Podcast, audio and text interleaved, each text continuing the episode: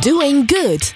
Met Mark van Hal. Goed voor jezelf, goed voor een ander. Haal het beste uit jezelf en laat je inspireren. Elke laatste maandag van de maand tussen 6 en 7 uur. Ja, welkom bij Doing Good. Fijn dat je luistert. Dit is alweer de elfde aflevering. En leuk om te constateren dat het aantal luisteraars iedere keer weer groeit. Welkom in deze Doing Good vooral aandacht voor mentale kracht. Profvoetballer Stefan de Vrij vertelt over zijn persoonlijke ontwikkeling, over zijn pianospel en over zijn samenwerking met mental coach Bouke de Boer. En Lieke Molenaar en Tom van den Oever vertellen over hun passie voor het geven van trainingen en met name aan jongeren. Dit en mooie muziek in Doing Good. Welkom. Doing Good. Met Mark van Hal. Goed voor jezelf, goed voor een ander. Haal het beste uit jezelf en laat je inspireren. Elke laatste maandag van de maand tussen 6 en 7 uur. Wat gaat het weer lekker vloeiend, hè? Zo uh, op uh, Good Life Radio op deze zender. Fijn dat je er bent. Doing Good gaat over persoonlijke ontwikkeling. Goed voor jezelf zijn en goed voor een ander. En iedereen heeft zijn eigen waarde in het leven. Voor de een is dat liefde en voor de ander gezondheid en uh, respect. Voor mij of bij mij staat de ontwikkeling hoog in het vaandel. Iets nieuws onder de knie krijgen, daar haal ik de meeste voldoening uit. Dat is niet mijn uitspraak, maar deze uitspraak deed profvoetballer Steven de Vrij een tijdje geleden in de correspondent. Alle reden om eens met hem te bellen. Steven, van harte welkom bij Doing Good. Ja, dankjewel. Heel leuk om, uh, om erbij te zijn. Ja, als dit uh, programma wordt uitgezonden, zit je al midden in de dynamiek van het uh, Nederlands elftal. En vandaar dat we in alle rust dit moment pakken voor dit gesprek. Hoe is het nu met je? Ja, gaat goed. Het is inderdaad moeilijk om zoiets in te plannen, om dat live te doen. Omdat ja, druk bestaan met veel trainingen en dat wisselt nog wel eens. En wedstrijden, trainingskampen. Maar, maar met mij gaat het uitstekend. Ja, want het voetbalseizoen is in alle heftigheid gestart hè? Je bent 29, je behoort tot de absolute top van de wereld. En je hebt al een fascinerende reis achter de rug. Vind je het goed als we even een tikje terug doen in, in de tijd...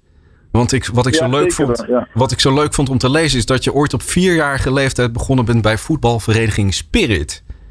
In Oudekerk aan de Amstel. Of nee, in de Amstel, aan de IJssel aan de natuurlijk. IJssel, Sorry, ja, dat is een heel ander eh, riviertje. Eh, of, eh, Uitkijken, hè, uitkijken. ja, pas op hè. Ja, dat scheelt enorm. Hè. Ik, ik, ik zit meteen weer op de gevoelige snaar. Dat, dat eh, is alweer duidelijk. Oude Kerk aan de IJssel. Hey, maar Spirit, dat zat er dus eigenlijk al eh, redelijk vroeg in bij jou. Dat zat heel vroeg in, ja. ja dat is allemaal begonnen. En eh, daar heb ik mooie herinneringen aan eh, hoe dat allemaal begon. En ik kom eh, uit een gezin waarin mijn vader heel, heel fanatiek eh, met voetbal bezig was. En zelf ook op een redelijk niveau gespeeld. En eh, ja, ben ik zo zeg maar ingerold. Ik heb ook twee broers. En die hebben het ook geprobeerd, maar voor hun was het eigenlijk helemaal niks. Die zijn helemaal eh, andere kanten opgegaan. Maar voetbal was wel voor mij altijd nummer één. Ja, want wat gebeurde er als jij dan het veld op ging? Je was talentvol en dat ben je altijd eh, geweest. Maar het kan natuurlijk. Hè, ja, je hebt iets. Je hebt iets eh, wa- waarschijnlijk meteen al wat duidelijk is voor de mensen aan de lijn van hé, hey, die kan het. Zag je dat zelf ook al meteen? Eh, of was je daar helemaal niet Nou mee goed, bezig? bij, bij Spirit was dat misschien wel het geval. Maar goed, op mijn tiende ben ik toen naar de jeugdopleiding van Feyenoord gegaan. En eh, ja, dan kom je wel een hele andere wereld bijna, weet je wel. Ik kom, ik kom uit Oudekerk aan de IJssel, dat is een heel klein dorpje. Uit het, eh, vanuit het eh, platteland, om maar zo te zeggen. En dan kom je eens in de grote stad eh, met eh, een heel ander soort jongetjes, zeg maar, die heel anders opgegroeid zijn. Ik, ik was heel rustig en heel verlegen. Dus het was wel eh, ja, een mooie ervaring, een mooie stap voor mij om daar naartoe te gaan en, en daarin te kunnen groeien. En, en in eerste instantie was ik niet, zeker niet het grootste talent. Ik was heel vaak juist bij KVB-selecties werd ik eh, als een van de weinigen niet geselecteerd. En was het wel aanhaken, vooral met eh handelingssnelheid en, mijn- en mijn snelheid was dat. eh, ja, was daar eh, veel werk aan de winkel, maar zo te zeggen. En eh, zag je dat zelf ook in? Of werd je daar vooral in gecoacht eh, of, of eh, alert op gemaakt? Ik kan me voorstellen dat als je iets heel graag wil en je wordt uiteindelijk niet geselecteerd, dat je dat, eh, dat, je dat uiteindelijk raakt. Ja, zeker. Ik weet nog dat, me, dat mijn ouders zoiets hadden. Dat was aan het einde van het seizoen. Ik zat misschien twee, drie seizoenen. En eh, dat er van de 17 jongetjes eh 14 of 15 geselecteerd werden en ik daar niet bij zat. Dat ze wel echt zoiets zeiden van... eh, ja, nou ja, dan ga je toch weer terug naar Spirit of dit of dat. is ook heel leuk met je vriendjes. Ik zei nee. Ik, ik blijf gewoon, weet je wel. En, en ik ga ervoor. En het was wel echt van jongs af aan, zat er wel in dat ik profvoetballer wilde worden. In de winter had je dan, na een half jaar had je een tussengesprek. En dan was, dan, ja, dan was het best wel negatief van oh dit en dit moest je aan werken. En, uh, maar aan het einde van het jaar was dat, nou, je hebt toch voordeel van de twee van je hebt zo'n uh, ontwikkeling doorgezet na dat, uh, na dat gesprek, weet je, dat je daarmee aan de slag bent gegaan, dat we toch, ja, we je toch door laten gaan. En want wat is dat dan in je? Want er zijn natuurlijk heel veel jongeren die op een gegeven moment het voordeel van de twijfel krijgen. Maar uiteindelijk dan toch misschien denken van ja, potverdorie, ik laat het er maar bij zitten. Maar jij hebt op een gegeven moment wel tegen jezelf gezegd, ik laat het er niet bij zitten en ik ga door. Ja, daarom, precies dat. En ik ben uh, vanaf jongs af aan had ik al, zeg maar, had ik veel voldoening uit het beter worden en uit het ontwikkelen. Dus uh, ja, dan was het ook leuk om daarmee aan de slag te gaan. En uh, ja, heel ambitieus om maar zo te zeggen, om, om echt ja, het beste uit jezelf te halen. En dat zat er al heel vroeg in. Ja, en dan ben je bij Feyenoord en een van je medespelers is daar Ron Vlaar. je bent via Ron in contact gekomen met Bouke de Boer. Kun je iets zeggen over jullie eerste gesprek uh, met Bouke? Nou, volgens mij ging het niet echt direct uh, via Ron. Nee. Uh, Ron had natuurlijk wel in, al wel contact met hem. En misschien had hij het wel een keer aangegeven. Maar ook via mijn... destijds had ik ook personal trainer. Hans, die me ook... ja, waar ik veel aan heb gehad toen. En die... Um, die, die stelde me soms ook uh, stelde soms ook voor om boeken te lezen. En, en toen kwam hij ook een keer met het boek van Bouke en die heb ik toen gelezen. En, de reis van een prikkel van Bouke de, de reis, de reis van een prikkel, ja klopt. Dus dat, uh, ja, zag ik wel heel herkenbare dingen en dat vond ik wel mooi. En toen kwam ik Bouke eigenlijk een beetje per ongeluk tegen in het stadion. Toen speelde ik al bij Lazio, volgens mij. En ik was terug naar Rotterdam en ik was bij een wedstrijd van Feyenoord aan het kijken tegen AZ. Als het goed is. En ik had natuurlijk zijn boek, gelezen, maar ik had er geen uh, beeld bij voor de rest.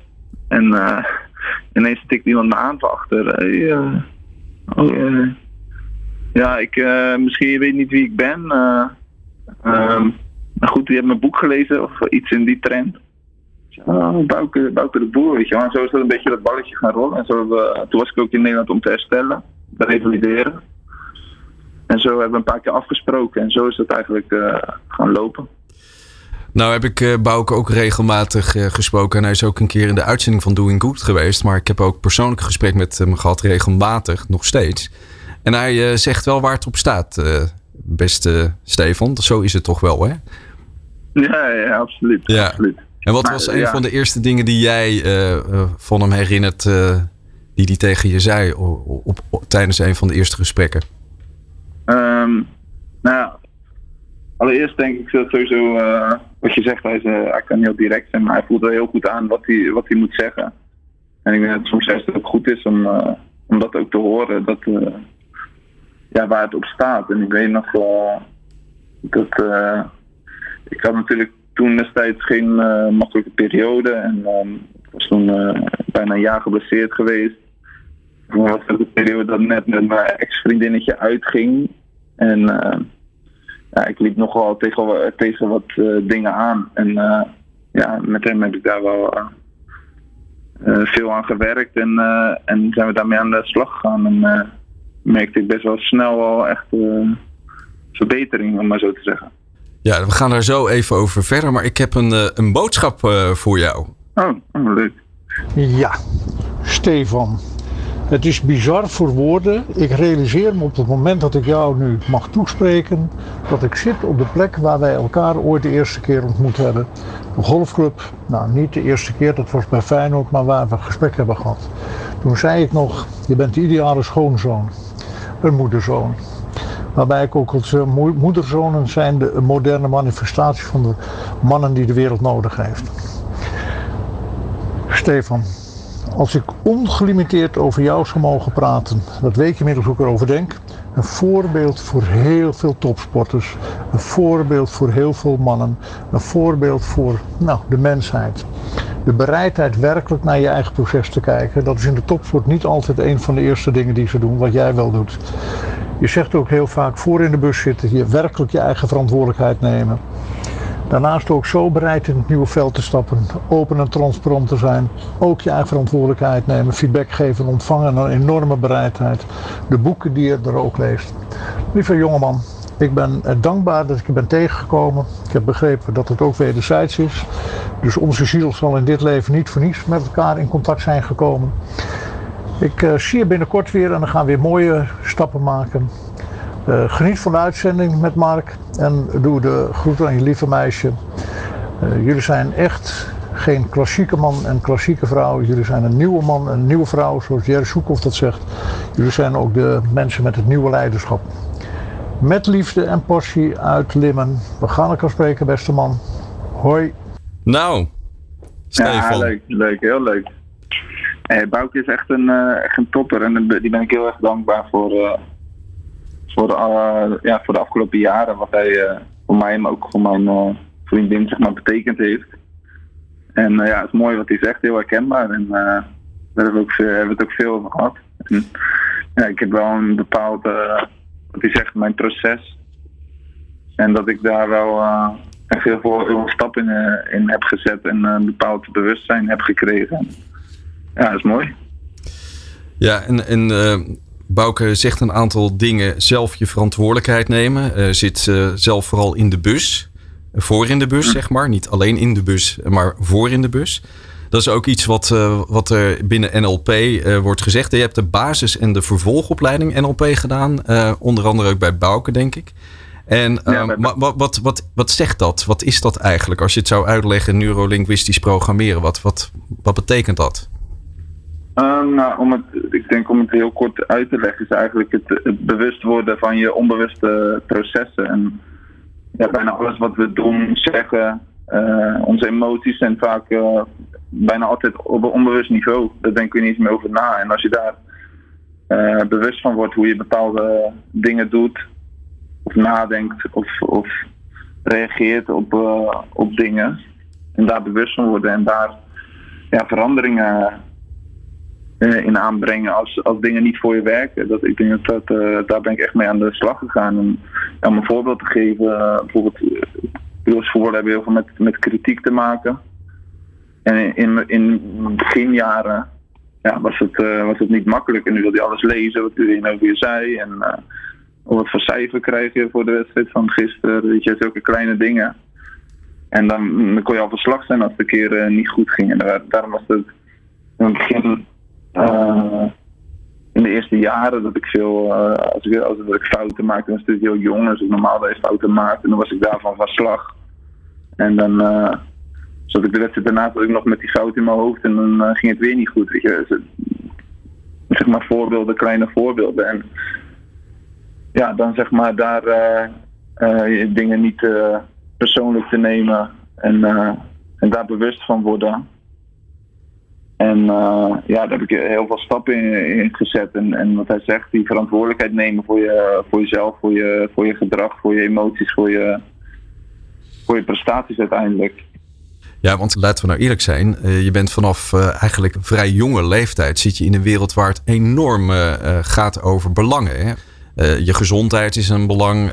Je mentale gesteldheid is een belang. Maar er wordt ontzettend veel naar je gekeken. En dat wat je doet altijd alles wat je doet wordt, uh, wordt herkend en gezien. Hoe ga je daarmee om, uh, Stefan? Hoe kan je altijd jezelf blijven? Ja, wat je zegt, alles ligt onder een, uh, onder een vergrootglas. En je, bent, voor, je hebt een voorbeeldfunctie.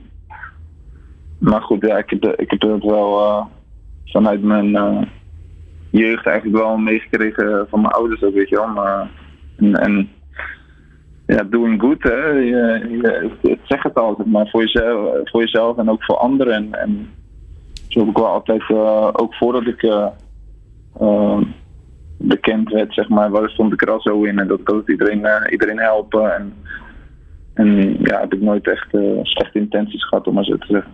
Nee. Dat is moeilijk, dat, dat, omdat ja, hoef ik daar ook niet veel aan te veranderen toen ik wel bekend werd. Dat ik ineens een, een voorbeeldfunctie had en dat ik dingen anders moest gaan doen. Ik heb dat eigenlijk al vanuit mijn jeugd zo meegekregen. Ja, en tijdens de NLP-opleiding en ook de, de coaching van Bouke heb ik begrepen dat je met regelmaat kijkt naar van hoe je reageert, waar je mee bezig bent, maar ook met je ambitie, hè, met je uiteindelijke missie. En toen heb je vastgesteld van ik wil de beste verdediger als het gaat om voetbal van de wereld worden. Um, dat, dat is nogal een, eh, een, een uitgangspunt. Uh. En daar doe je ook alles voor. Uh, ja, ja, klopt. Dat is. Um, ja, daar probeer je wel zoveel mogelijk alles wat binnen handbereik ligt, daar mee aan de gang te gaan en, en daar alles aan te doen, inderdaad. En ben je al zover? Um, nou ja, kijk, weet je wat ook mooi is? Je, moet, je legt dat doel, je zet een doel en je, ja, heel hoog. En uh, eigenlijk ja, laat je het daar, zeg maar. Ik, ik ben niet eens meer uh, gehecht aan het doel zelf, zeg maar. In, op een manier, hoe, hoe leg ik het goed uit, zeg maar. Kijk, het gaat niet meer om het wel of niet bereiken. Het gaat gewoon om, het, om, het, om de hele reis, zeg maar. Ja. En het hele proces. En, en ja, natuurlijk ja, heb, je, heb, je, heb je dat doel en, en doe je er alles aan. Maar kijk, ik weet van mezelf dat ik altijd alles aan gedaan heb. En kan ik mezelf ook nooit, nooit iets verwijten. En ja, geniet ik gewoon van het hele, van het hele proces. Ja, het is ook wel mooi dat als je het als doel omschrijft, uh, kan het ook niet worden vertaald alsof je doet alsof je er al bent. Hè? Want dat zou misschien kunnen worden vertaald van hey, doe niet zo arrogant of uh, hoe haal je het in je hoofd dat je dat uiteindelijk als, zegt over jezelf. Maar dit is jouw doel. Dit is uiteindelijk waar je naartoe streeft. Ja, ja, en eigenlijk ook vooral het maximale uit, me, uit mezelf halen. En dat weet ik uh, van mezelf dat ik dat altijd heb gedaan, doe. En dat heeft me ook hier gebracht. En um, ja, dat zou ik ook altijd zo uh, daarmee door blijven gaan. Want ontwikkelen is wel uh, voor jou een belangrijke waarde. En um, laten we eens luisteren naar een nummer van Ludovico Einaudi, Una Martina. Stefan Ludovico Einaudi, jij bent zeer bekend uh, met hem, componist. Onder andere, en dit nummer kan jij inmiddels ook uh, vlekkeloos spelen, heb ik begrepen. Ja, dat klopt. Ja. Ik ben nu sinds ruim een jaar ja, ook begonnen met piano spelen. Ja. En dat is eigenlijk allemaal, komt het wel bij Ludovico Einaudi vandaan. En ik, ik moet zeggen, ik ben met, met mijn broers echt met muziek opgegroeid. Iedereen dat natuurlijk wel heeft, maar uh, uh, eigenlijk vanuit, vanuit uh, mijn familie was het meer rockmuziek, indie rock met mijn broers. En ik weet niet naar hoeveel concerten er dan niet geweest zijn. En deelden we die, die passie, zeg maar. En toen, na een tijdje, zei mijn broer ineens, mijn oudste broer, met, wie, met wie ik altijd eigenlijk op één lijn lag qua muzieksmaak. Die zegt, jij moest een keer naar Ludovico Einaudi luisteren. Ik zeg, wie is dat dan? Ja, hij is een pianist, een componist. Dus ik vraag nog, ja, wordt er niet in gezongen dan? Nee, wordt niet in gezongen. Dus ik vond het al een beetje raar. Zo ja, dat was niet, niet gewend natuurlijk. En nou, naar luisteren. En hij had het ook ontdekt via film. Dat ook trouwens een van mijn favoriete films is Intouchables. Mm -hmm. Waarin zijn muziek gebruikt wordt ja, en toen ben ik het gaan luisteren en dat, ja, dat heeft me zo geraakt. En uh, ja, sindsdien altijd uh, ja, dat, deze, dat gaan luisteren. En uh, ja, hij, komt ook, hij woont ook in, in Milaan. Hij geeft elk jaar iets van 15 concerten in, in december in, in Milaan. En ik weet dat ik een jaar naartoe geweest, geweest ben en dat ik ja, van de 15 ben ik misschien wel 7, 8 keer geweest. En Oké, okay. ja, dat, dat is, uh, dat, het heeft je echt geraakt dus, ja. Ja, ja, nee, absoluut. En wat raakt je dan het, het meest als je zijn muziek hoort? Als je, als je dat meemaakt? Um, nou, ik heb natuurlijk ook uh, live gezien natuurlijk. En uh, de eerste keer ging ik daar uh, zelf kaartjes geregeld, waren goede kaartjes. En toen, toen nog een keer gegaan. En toen kwam ik ook achteraf bij de, bij de meet and greet, zeg maar, die ruimte. En bleek ook dat ja, degene die uh, viool speelde en de cello, zeg maar, dat, die, uh, dat eentje ook uh, interfan was. En zo ging dat balletje een beetje rollen. Ja, wanneer we komen, laat maar weten. Ik zeg, nou, ja, weet je het zeker, want ik ga vaak komen. Ja, dus toen ben ik denk ik zes, zeven keer geweest, de eerste rij. En ja, dat, het is echt alsof hij een, eh, een verhaal vertelt en hij legt heel zijn emotie erin. En je voelt dat gewoon echt in zijn, eh, in zijn eh, pianospel, voel je dat echt. Ja. Het is een beetje uit te leggen. En, eh, ja, dacht je, dat wil ik ook. Dat wil ik ook kunnen. Nou, in eerste instantie niet. Het was gewoon mooi genieten en, eh, en eh, naar luisteren, zeg maar. En later wel tijdens een beetje tijdens de lockdown. Toen eh, was dat idee wel gekomen dat eh, je wat meer tijd had als je je huis niet uit mocht. Dus van, eh, ja, ik ga ook eens kijken daaraan beginnen. En eh, ja, daar ik wel veel voldoening uit nu. En eh, Wat brengt het jou? Is het eh, rust? Is het eh, die emotie? Of... Ja, ook wel rust inderdaad. En het is sowieso heel. eh, ja, het geeft veel voldoening als je dan eh, er- ergens mee bezig bent, een stuk aan het leren bent en, en je hebt hem dan, weet je wel. Het is natuurlijk niet makkelijk met, met twee handen en uh, piano spelen, is niet makkelijk. Maar goed, als, je dat, als dat dan lukt, dan, eh, dan haal je er wel veel voldoening uit. En, eh, Ja, in hoeverre eh, kan jij een parallel trekken tussen het pianospel en zeg maar dat wat je op het veld eh, doet en hoe je met voetbal bezig bent? Ehm, hoe bedoel je dat? Nou ja, ik, als ik zo al jouw verhalen lees, hè, je zegt je hebt, het is moeilijk in het begin met twee handen piano spelen. Maar als ik eh, toch lees hoe jij bezig bent met het voetbal, ben je ook steeds bezig met het perfectioneren, de technische kant, het kijken op het veld. Dat is uiteindelijk een soort van kunst om dat eh, onbewust eh, te maken. Klopt dat? Is dat een manier waarop je het zou kunnen bekijken? Ja, zeker. Want je doet zeg maar zo vaak herhalen. Dat je het inderdaad op, eh, onbewust gaat doen. Onbewust bekwaam wordt, zeg maar. Om maar eh, over NLP te hebben. Ja. En, en dat is met, eigenlijk met alle leerprocessen. In het begin, eh weet je ook, met, met autorijden bijvoorbeeld. In het begin weet je niet hoe alles werkt en hoe het moet. En, en nu weten we allemaal niet meer beter. Weet je als je je rijbewijs hebt.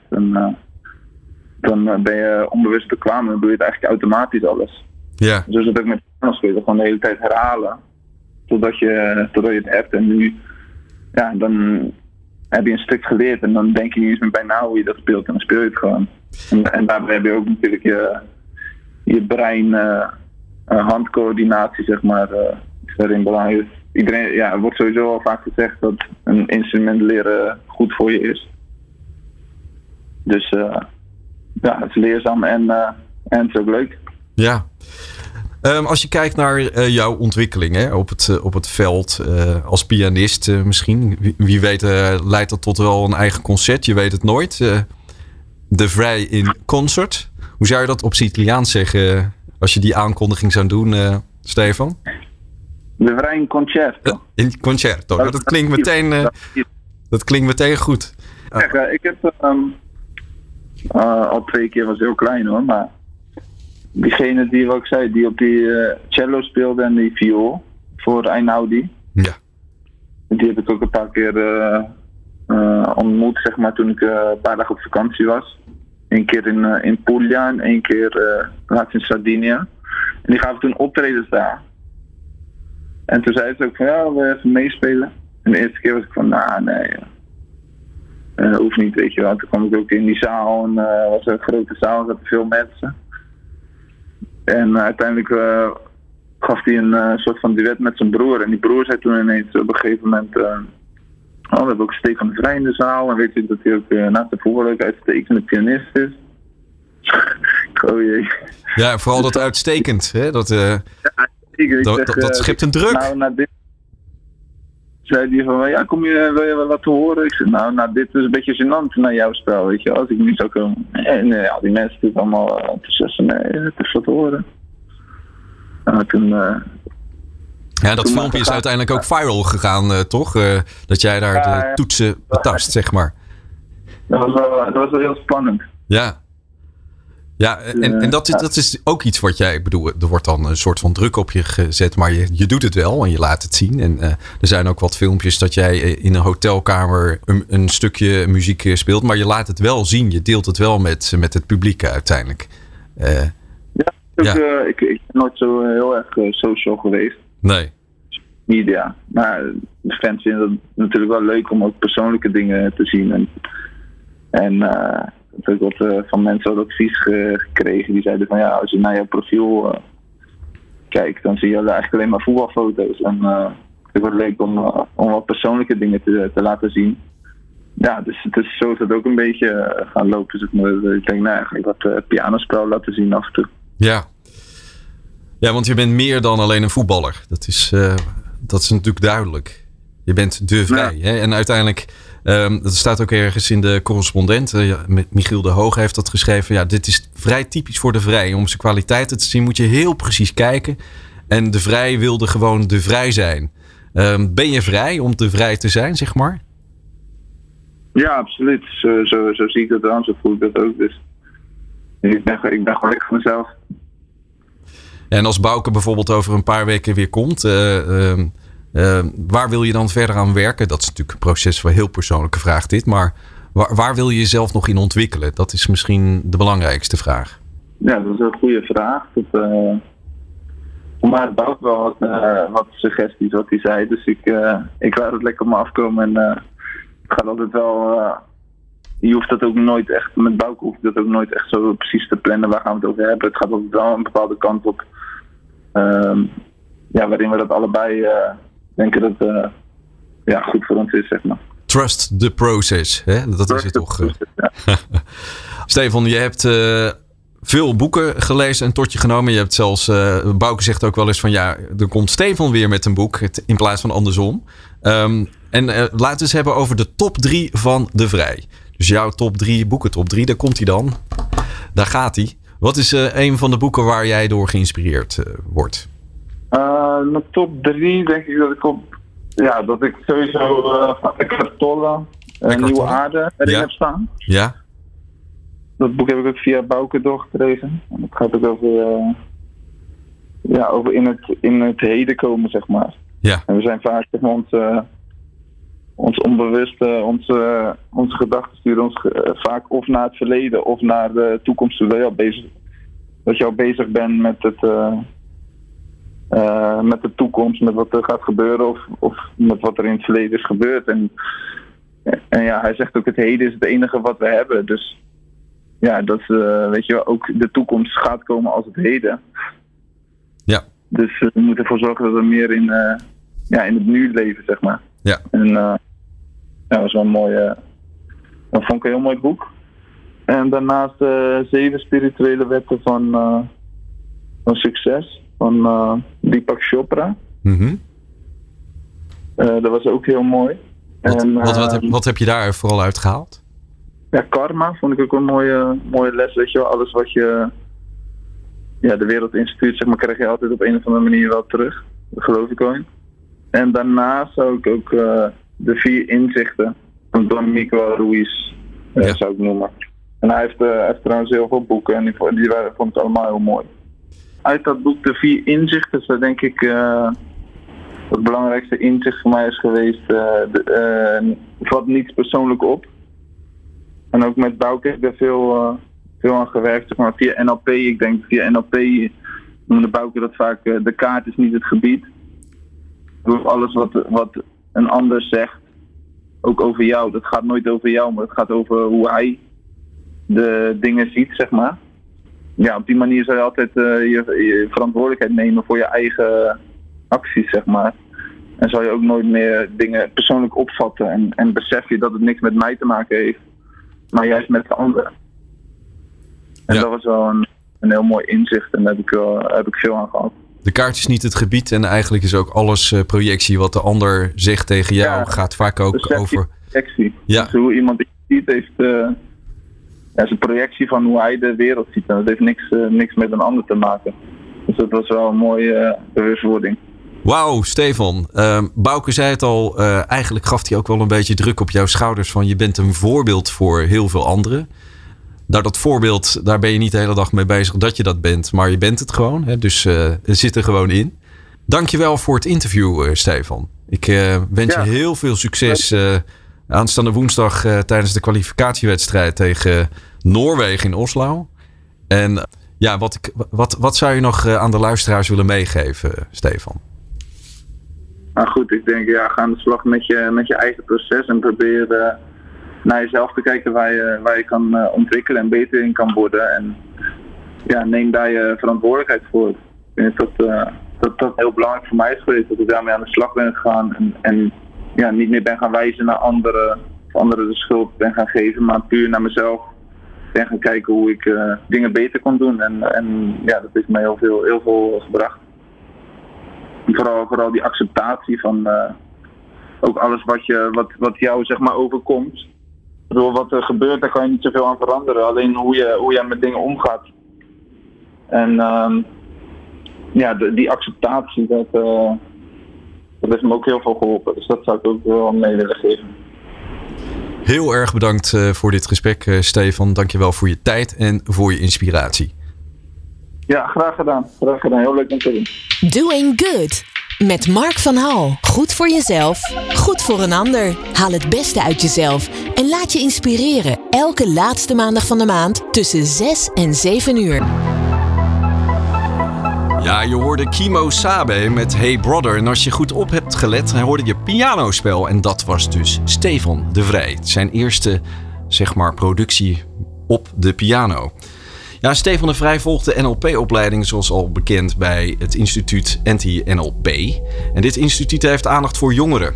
En Lieke Molenaar en Tom van der Oever zijn hier in de studio om te praten over het belang van persoonlijke ontwikkeling voor jongeren. Niet alleen dat. Ze geven de training Jongeren Power voor jongeren van 15 tot 20 jaar die meer over zichzelf willen weten en interesse hebben in persoonlijke groei. Lieke en Tom, van harte welkom. Dankjewel. We hebben iets uh, van tevoren niet helemaal uh, geoefend, maar ik ga jullie wel vragen. Wil, Tom, wil jij Lieke even introduceren? Zo Heel graag. Ja, en ja. Lieke Tom. En dat Ja, doen we zeker. eigenlijk volgens de Doing Good uh, lift methode, is uh, de elevator pitch.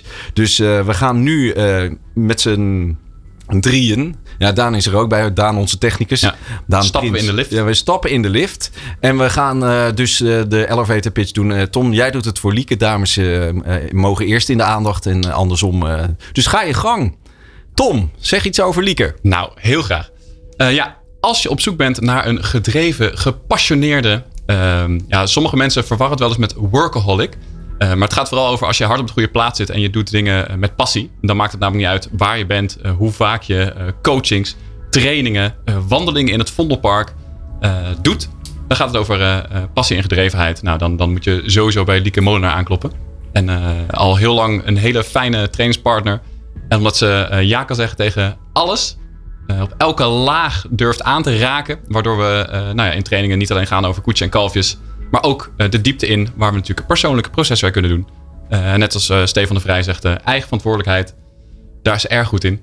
En ze zorgt goed, supergoed voor zichzelf. En daarmee een mooi voorbeeld voor de jongeren en de volwassen jongeren die we ook trainen. Ik denk dat de lift er is. De lift is er. Ping. Ja. Oh, ping. Nou, we moeten ook de airconditioning een beetje hoger zetten. Want ik zie dat Lieke ook een beetje begint te gloeien. Ja. ja. Lieke, ja. ben, je er, ben je er klaar voor, Ja, voor de zeker. elevator pitch Ja, ja, ik krijg het warm en ons bedrijf heet Vuur. En uh, Tom is mijn businesspartner, uh, goede vriend en uh, trainingsmaatje.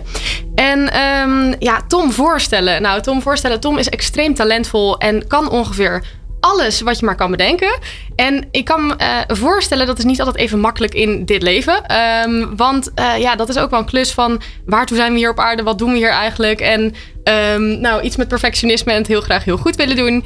Uh, en Tom heeft extreem veel inlevingsvermogen, ontzettend veel energie en is werkelijk bereid om dus ook de donkere kant van het leven heel goed te bekijken. Um, en ook elke keer weer naar de plus te gaan. En uh, zo bewegen we samen door trainingen heen uh, en uh, door het leven. De donkere kant van het leven. Nou, ik ga toch eventjes terug naar dat laatste stukje van. Uh, want jullie zijn uiteindelijk uh, ooit begonnen met het geven van trainingen. Ja. Uh, ik bedoel, dat is een keertje begonnen en coachen. En je doet dat uh, via het instituut van Bouke de Boer, maar ook ja, op een andere manier. Groot. Ja. En, um, maar wat, uh, ja, jullie zijn uh, ook in de leeftijd van Stefan de Vrij. Tom, je bent 29 en Lieke, je bent een ja, net 30. oud. Ja. Maar het zit wel een beetje in dezelfde range. Ja. Als je dan zo het verhaal van Stefan de Vrij hoort, hè, eigen verantwoordelijkheid en het opzoeken, maar daarvoor natuurlijk ook de donkere uh, krochten, zeg maar. Je moet ergens doorheen. Um, jongeren, wat, uh, wat, als je kijkt, jullie hebben niet zo lang geleden jongeren power gegeven bij het Ja. instituut NT-NLP. Ik zeg het voor de laatste keer. en uh, we hebben geen afspraken gemaakt hoor over commerciële dingen, maar het is Nee, wel bij. NT-NLP kan je jongerentrainingen Ja, volgen. precies. Verder Dat punt. Dat was het. Uh, maar uh, kun je zeggen over waar uh, jongeren vooral zich op willen richten dan tijdens die training? Ja, nou dat is echt ontzettend veel, want um, er lopen natuurlijk heel veel verschillende jongeren rond op deze wereld. En er hoeft niet iets aan de hand te zijn. Dat vind ik ook zo gaaf van Stefan. Er hoeft echt niet iets onwijs aan de hand te zijn voordat je aan de slag gaat met persoonlijke groei. Want hoe gaaf is het als het er voor iedereen is? En zo zijn wij ook ooit gestart. Nou, ik was 18 en toen kwam ik in een jongerentraining terecht. Omdat het me even niet zo goed lukte om mijn rijbewijs te halen. Want ik kreeg onwijs veel spanning en stress als ik naast zo'n examinator zat. En dan gebeurde er iets in mijn hele systeem. En dat was ik niet gewend. Want ik dacht, hard werken, dan lukt het. Die strategie werkte niet meer voor me. En zo zien we dus ook heel veel verschillende jongeren met allemaal, weet je, de een of het nou een topsporter is, of bezig met een studie of schoolkeuze, of een eerste baantje of een tweede baan, of een grote carrière, wat het ook is. Uh, we komen allemaal het leven tegen. Met alle dingen die wel werken, maar ook alle dingen die niet werken. En wat zo gaaf is, in de jongere power gaat het veel over wat werkt wel. En vooral wat werkt voor jou. Want we zien er allemaal aan de buitenkant anders uit. En we zijn volgens mij allemaal aan de binnenkant ook net even een tikkie anders. En uh, ja, ja helemaal eens. Tegen. Ja, Tom, als je uh, dit verhaal zo hoort ook van Stefan de Vrij, uh, Bouke die zegt, ja, het is een moederszoon. Hè, het is eigenlijk een gevoelige man. Hè, dat is eigenlijk de, de voorbode van wat heel veel meer mannen zouden mogen zijn. geldt dat ook voor jou? Ja, ik ben zelfs een tweemoederszoon. Ik ben opgevoed door een, een, nou, een moeder en een bonusmoeder. En ehm, het leuke daarvan is wel dat ik ook vroeger wel eens zei, ja, ik heb niet echt een mannelijk rolmodel in mijn leven gehad. Dus ja, hoe moet ik dan überhaupt weten waar het leven over gaat of hoe de man zich verhoudt. Uh, nou ja, en tegenwoordig gaat het natuurlijk ook veel meer over jou. Hoe wil jij verhouden in het leven? Uh, en het mooie daarvan is weer dat het, dat het altijd goed komt. Zeg maar de, de, het mag linksom, het mag rechtsom. En uh, nou, zoals Stefan de Vrij ook zegt, je, je mag je inlevingsvermogen verbruiken. Je mag de zachtheid van jezelf inzetten. Want de wereld heeft ook meer mannen nodig die ook meer de zachtheid in kunnen zetten. En meer ja, compassie, empathie. Als we het over mannelijke en vrouwelijke energie hebben dan. Eh, ja. Los van man en vrouw zijn. Dat is natuurlijk uh, fluid tegenwoordig. En uh, nou, hoe je daarin zelf wil bewegen ertussen. Ja, Lieke, je zegt iets moois. Hè? Je hoeft niet meteen een enorm drama te hebben om uiteindelijk te werken aan je persoonlijke groei. Nou ja, Stefan is er uiteindelijk wel ook een soort van achtergekomen. Elke keer krijg je kritiek, je krijgt allerlei gedoe en dat ga je persoonlijk nemen en dat soort zaken. Nou zit hij natuurlijk wel op, in een arena waarin die druk enorm hoog is. Maar ja, er zijn natuurlijk ook, zeg maar niet topvoetballers en niet topsporters en niet uh, zeg maar mensen die onder zo'n hoge druk staan, maar toch die druk voelen. Ja. Hoe ga jij daarmee om eh, als, eh, als mensen naar je toe komen of jongeren naar je toe komen die daarop op resoneren, zeg maar? Ja, mooi. Je zei het al toen we hier aankwamen. je bent zelf ook ooit het proces ingestapt, of in ieder geval een training begonnen, Mark. Ja. En wat je daar tegenkwam was natuurlijk ook dat het en we kunnen ons gaan vergelijken met anderen. We kunnen gaan zeggen, oh, ik heb dit meegemaakt, jij hebt dat meegemaakt. Oeh, dat van jou is wel heftiger of zwaarder. Of juist, oh, ik heb meer meegemaakt. Dat maakt mij, uh, nou ja, een ander persoon. Alleen we maken allemaal dingen mee en daar doen we allemaal zelf iets mee. Zoals ook in het interview met Steven van Vrij wordt gezegd, uh, perceptie is projectie. Wat je zegt ben jezelf en wat je ziet ben jezelf eigenlijk. Nou, en als je, als je daarvan uit durft te gaan, dan hadden we het net over alles wat jij in de wereld tegenkomt. Dat, dat is belangrijk voor jou. En dan is het ook aan jou hoe je ermee om wil gaan. Dus het is leuk om te zeggen, oh ja, moet je dan door een donker dal zijn gegaan? Heb je dan een topsporter te zijn om echt uh, onder die fysieke ook druk soms te staan van uh, de mensen om je heen? Van, hey, je moet nu gaan en als je niet harder presteert, dan mag je naar huis. Nou ja, dat kan. Uh, en je kan jezelf ook onder heel veel druk zetten. Ja, want Lieke, als je kijkt naar het drama dat het leven is, hè, om eventjes toch daar naartoe gaan. Hè, het drama, we hebben natuurlijk als mens toch wel een beetje behoefte aan dat drama. Ik bedoel, we kijken uh, al die films. Uh, we zijn aan het gamen waar natuurlijk moord en doodslag en weet ik het allemaal. Maar het drama van het leven, dat houdt ons ook wel een beetje... Daar praten we ook over, uh, waar dan ook.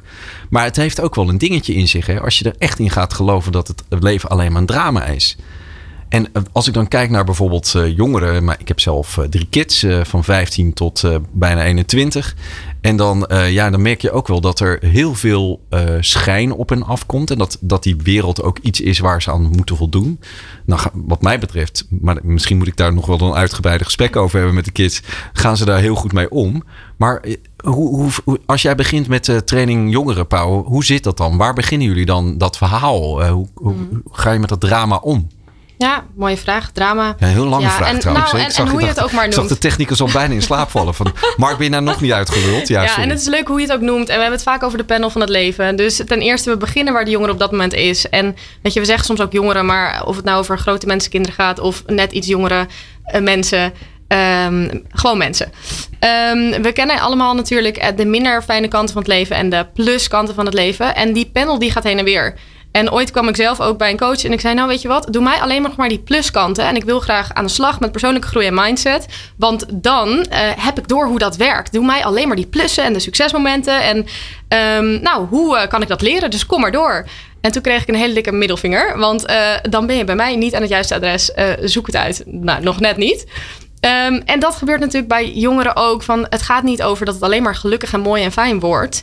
Ehm, dus die, die oké, sorry voor mijn taal, maar de, de, nou, de, de minder fijne kanten, die, de, oké, de, ja, zeg maar gewoon nou, wat je op je de, leven... de shitkanten. Wat zit je nou te ja. zeuren? Gewoon de kut en shitkanten. klote kant van het shit, leven. kloten en, je, enzovoort. Ja. Die zijn er, die blijven er en daar gaan we helemaal niks aan Ik krijg wel veranderen. strafpunten nu, maar ga gewoon maar Ja, lekker door. maar Gooi het er allemaal Ja. uit. Ja. Nou, en dat is wel grappig dat je dat zegt. Want dan komt er nog in mij even zo van... het kleine meisje wat het zo graag goed wil doen. En weet je, ergens willen we allemaal gezien, Oh. gehoord worden. Hey, Tom, even goed opletten hoor. Dit is eh, materiaal. Ja, ja, ik hoor het, eh. ik hoor het. Het wij hebben het kleine meisje gehoord. Oh, ja, wat het zo graag goed wil doen. En Oh, nou, ik had ja. ook ooit een keer een gesprek met Bouke. En die zei iets met een liefdevolle fuck it strategie. Van oké, hoe kunnen we soms ook een beetje meer scheid hebben aan wat er allemaal zou moeten. Of wat we onszelf allemaal opleggen. Of ehm, weet je, nog meer doen waarvoor, we, waarvoor wij hier zijn. Niet waarvan we denken dat we dat moeten doen. Of, ehm, en daar zijn de jongeren vaak ook wel mee bezig. Onbewust of bewust.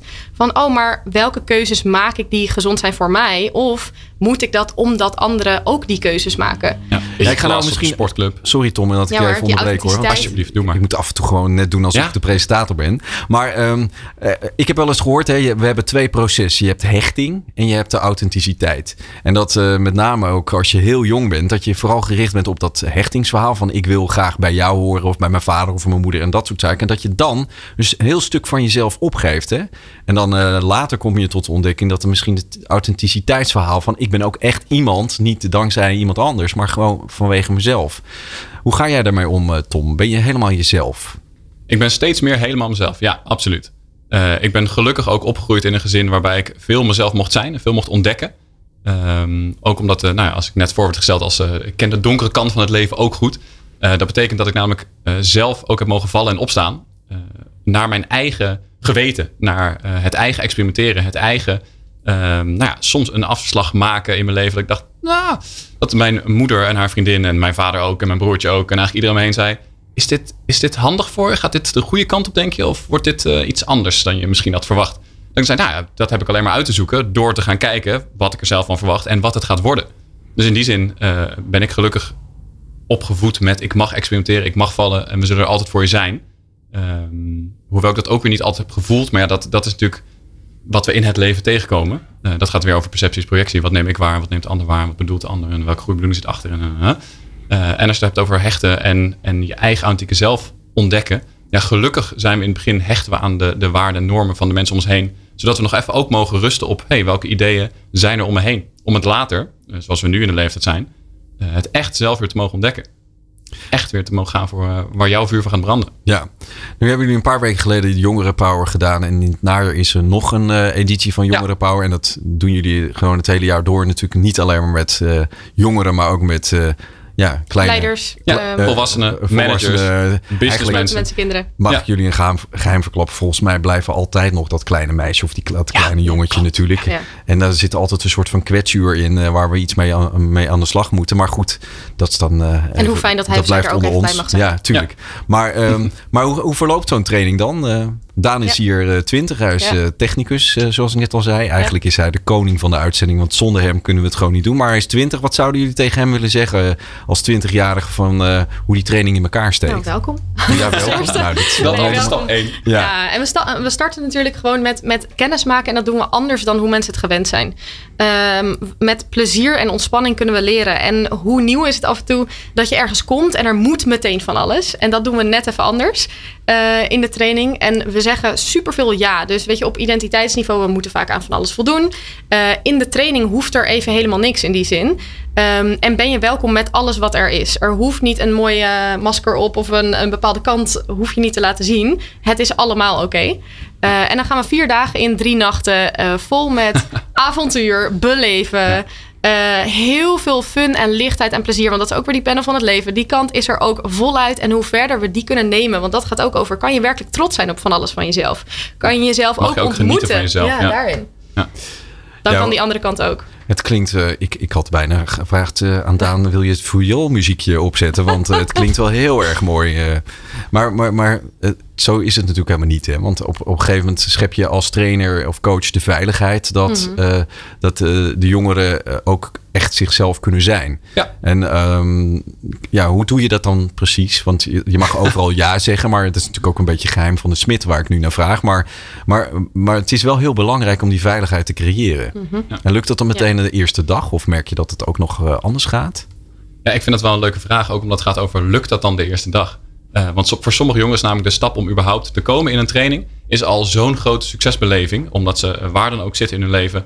eh, of, ze nou, of het nou supergoed gaat of niet. Er kan natuurlijk gewoon weerstand zijn. Heel logisch.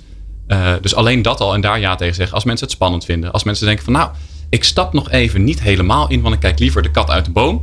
Nou, dat zijn soms mensen die op dag twee... en een beetje uit de, uit de sluimerstand komen... en wat meer actief gaan meedoen. En denken, Oh ja. Omdat als we echt ja zeggen tegen dingen, dan geven ze ook echt ja tegen als ze bijvoorbeeld een van ons stom vinden. Of als ze, eh, we, doen, we, we starten vaak met een eerste indruk van ons. Dan mogen ze gewoon roepen over wat vind je van ons. Alles. Je hebt ons nu net een half uur meegemaakt, gehoord, gezien. We kleden ons op een bepaalde manier, ons haar is op een bepaalde manier. Je hebt een indruk van ons.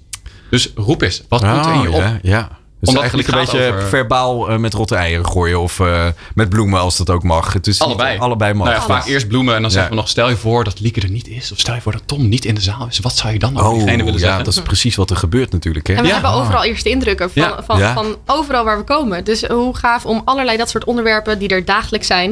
En op een gegeven moment is het natuurlijk van... hé, hey, maar wacht even, dat kom ik ook tegen in mijn dagelijks leven. En dat ook en dat ook. Hoe gaaf om er dan een keer op een andere manier naar te kijken... en gewoon mee aan de slag te gaan. Nou ben ik een oude lul van eh 52. Hè? Dus eh, ja. Ja. er zit een grote eh, ja, zeg maar gap, eh, gat, eh, tijd tussen wie ik ben en de jongeren die jullie uiteindelijk eh, eh, zeg maar in de training hebben. Het geldt eigenlijk ook voor tussen mij en mijn eh, kinderen. Maar wat, wat, wat, wat, wat begrijp ik niet als 52-jarige van jongeren? Wat begrijp ik niet? Wat is jullie ervaring? Ja, ik vind dat een leuke vraag. Want eh, hoe ik je net heb leren kennen, eerste indruk, eh, denk ik dat je aardig goed en veel begrijpt. Eh, je had het over zelf nog van, we zijn eigenlijk facilitators. Of je nou een ouder bent, of je nou een trainer bent, of je nou een, een trainer van een sportclub bent, eh, of je nou vioolles geeft. Je bent een facilitator. Ja, maar ga nou niet mij pleasen, maar ga gewoon zeggen wat. wat Mark, wat, ik please wat- je niet. Wat is, wat is nou het gat tussen zeg maar, hoe eh, mensen van Ja. mijn leeftijd hè, eh, eh, en, en jongeren, wat ze ervaren, de jongeren zelf? Hmm. We moeten er nog even over nadenken. Hè? Nou ja, het Ja. mooie is, je gaf zelf zo'n mooi voorbeeld ook in van, eh, eh, in je eigen training heb je ook ervaren dat het, dat het ook, het kan anders dan dat je zelf opgevoed bent. En, en als we kijken naar eh, de tijdperken waarin, nou, als je je op in een 52 andere jaar bent, dan groei je op in een andere tijd. Eh, het was soms wat minder open, als ik mag generaliseren, soms wat minder vrij in gedachten.